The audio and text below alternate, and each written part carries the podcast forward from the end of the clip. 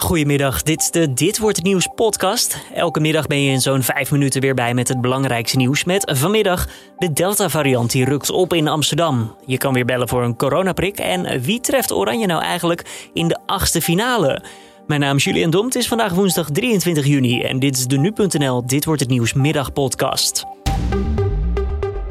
De Delta-variant van het coronavirus rukt op. Deze besmettelijkere variant is verantwoordelijk voor 40% van alle besmettingen in Amsterdam. Dat blijkt uit een voorlopige steekproef van de GGD. Vorige week meldde coronaminister De Jonge nog dat in de grote steden 10% van het aantal coronabesmettingen van deze variant kunnen zijn. Mocht het aantal besmettingen zo doorzetten, dan kan de Delta-variant volgende week al dominant zijn in de hoofdstad, zegt de GGD.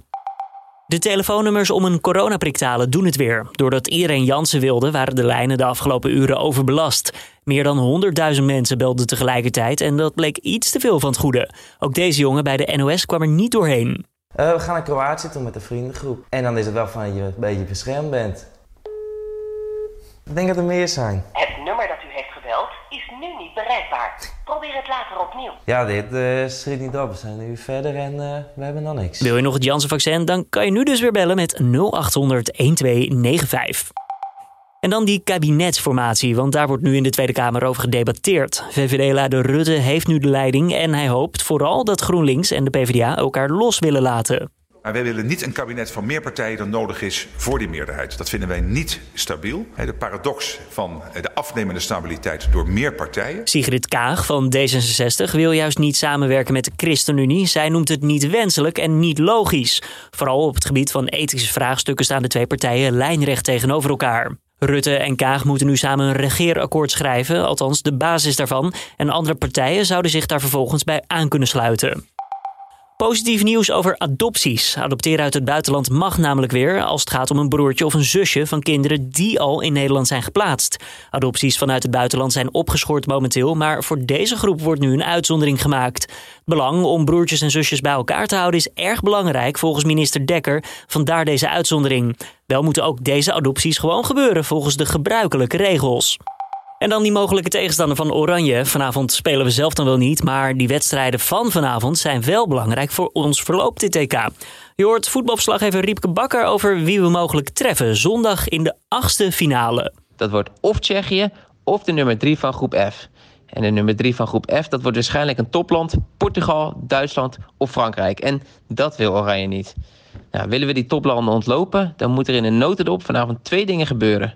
Spanje tegen Slowakije mag geen gelijkspel worden en Polen mag niet winnen van Zweden. Nou, klinkt misschien een beetje alsof dat alleen maar gebeurt wanneer Pasen en Pinkster op één dag vallen, maar dat is niet zo, vertelt Riepke. Het lijkt een lastige situatie, maar Grace het statistiekenbureau, schat de kans dat alles goed valt voor Oranje op 67% 67% kans op Nederland tegen Tsjechië in de achtste finale. En vanavond weten we dan echt zeker tegen wie Oranje speelt zondag.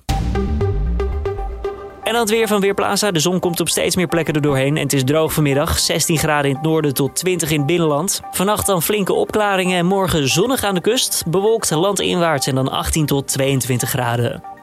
Ja, nou is het tegenwoordig natuurlijk al behoorlijk waardeloos als blijkt dat je toch net niet op die ene groepsfoto op Instagram past.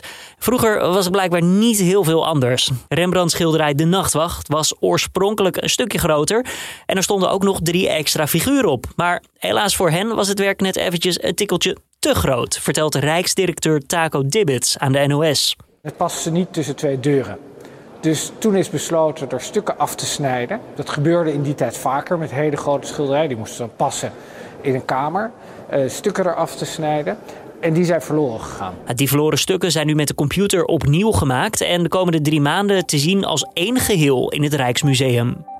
En dit was hem dan weer, de Dit Wordt de Nieuws podcast van deze woensdag 23 juni. Tips of feedback zijn altijd welkom, kan je naar ons toesturen via podcast.nu.nl. Mijn naam is Julian Dom, ik wens je voor nu een fijne avond en morgenochtend heb je hem hier weer om 6 uur ochtends. Collega Corné van der Brink met het nieuws van dan op nu.nl.